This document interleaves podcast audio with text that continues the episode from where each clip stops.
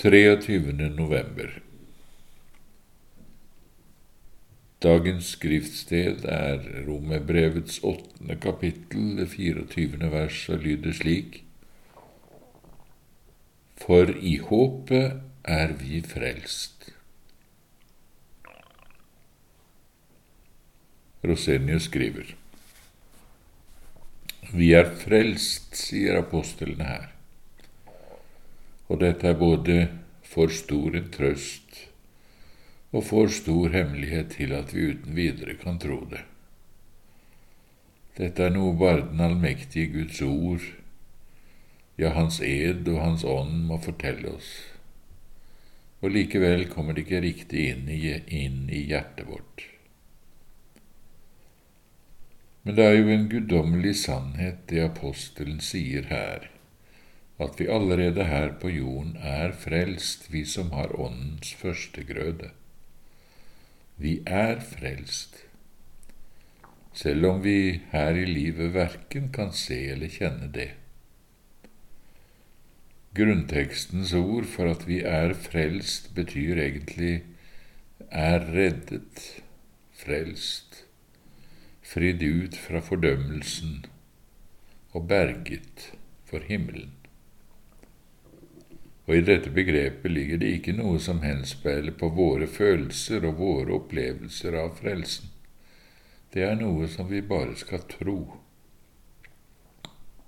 Derfor sier apostelen at det er i håpet vi er frelst.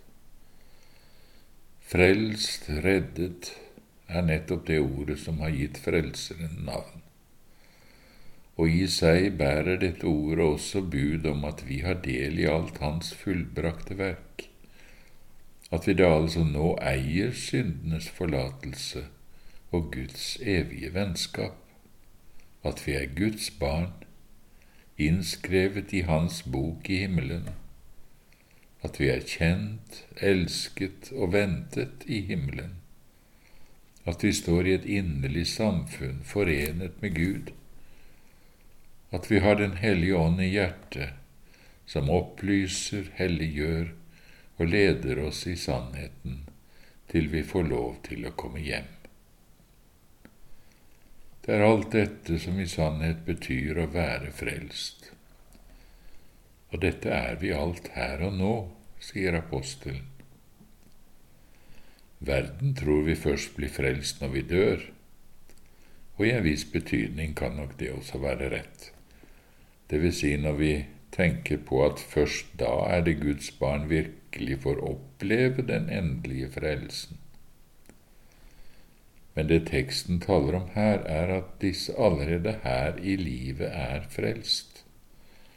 Og det vil si allerede her i livet, i Guds øyne, er barn, arvinger og de rette eiere av alle himmelens skatter. Abraham ble ikke Guds venn først gjennom sin død. Det var han allerede på forhånd mens han bodde i telt her på jord. Men det samme Guds vennskap som han da eide, fulgte ham også i døden og i evigheten. Ingen blir Guds venn i det øyeblikk han dør, når, sjelen skilles fra legemet. Nei, skal vi være Guds venn i evigheten, så må vi først ha blitt det her. Den som her i livet ikke ved troen har skjønn, skal ikke se livet. Men de som her i livet har Åndens førstegrøde, de skal også en gang arve den fullkomne salighet i himmelen. De som har levd i samfunn med Kristus her, skal også være med ham i evigheten. Derfor er de også salige allerede her. Eller er ikke det mennesket salig, som er Guds elskede barn og kan tale med Gud som med sin far?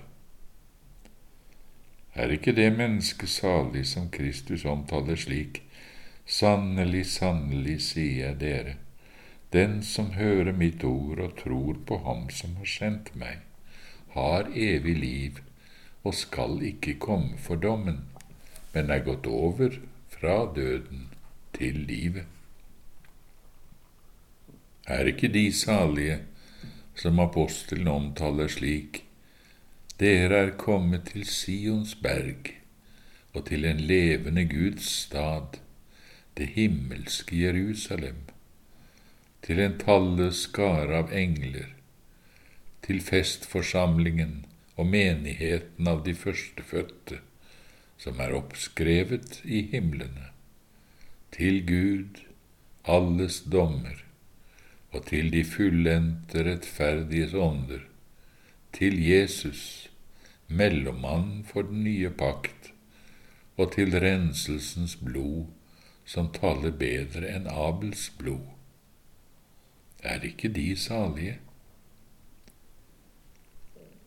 Og disse som apostelen kunne skrive dette til, levde ennå her på jorden.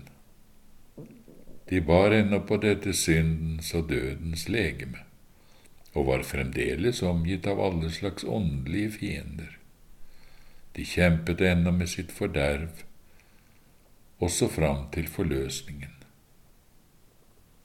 Likevel sier altså apostelen at de er kommet til Sions berg og til den levende Guds stad, det himmelske Jerusalem, til en talløs av engler, til festforsamlingen og menigheten av de førstefødte som er oppskrevet i himlene, og til de fullendte rettferdiges ånder.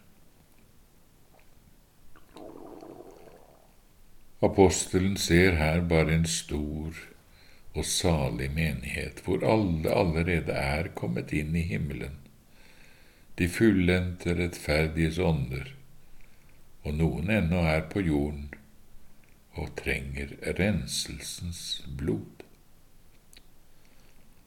Og akkurat slik er det da også de troende har det.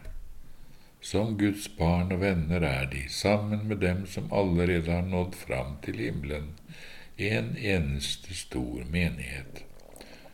Akkurat som når vi på helligdager ser mange mennesker strømme inn i kirken. Noen er allerede kommet inn, noen er akkurat nå i døren, mens andre er utenfor på vei inn. Likevel er de samtidig alle sammen bare en eneste stor forsamling. Slik er det også med Guds barn.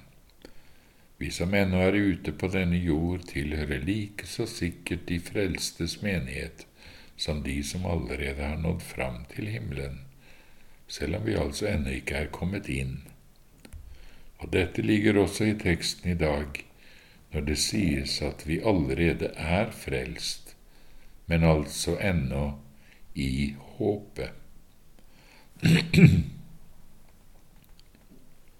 og for en vidtgripende velsignelse det blir hvis vi har denne sannheten prentet dypt inn i hjertet vårt, at vi allerede her i livet er frelst allerede her er Guds barn og arvinger, som nå bare går og venter på den salige forløsningen når vi får komme hjem.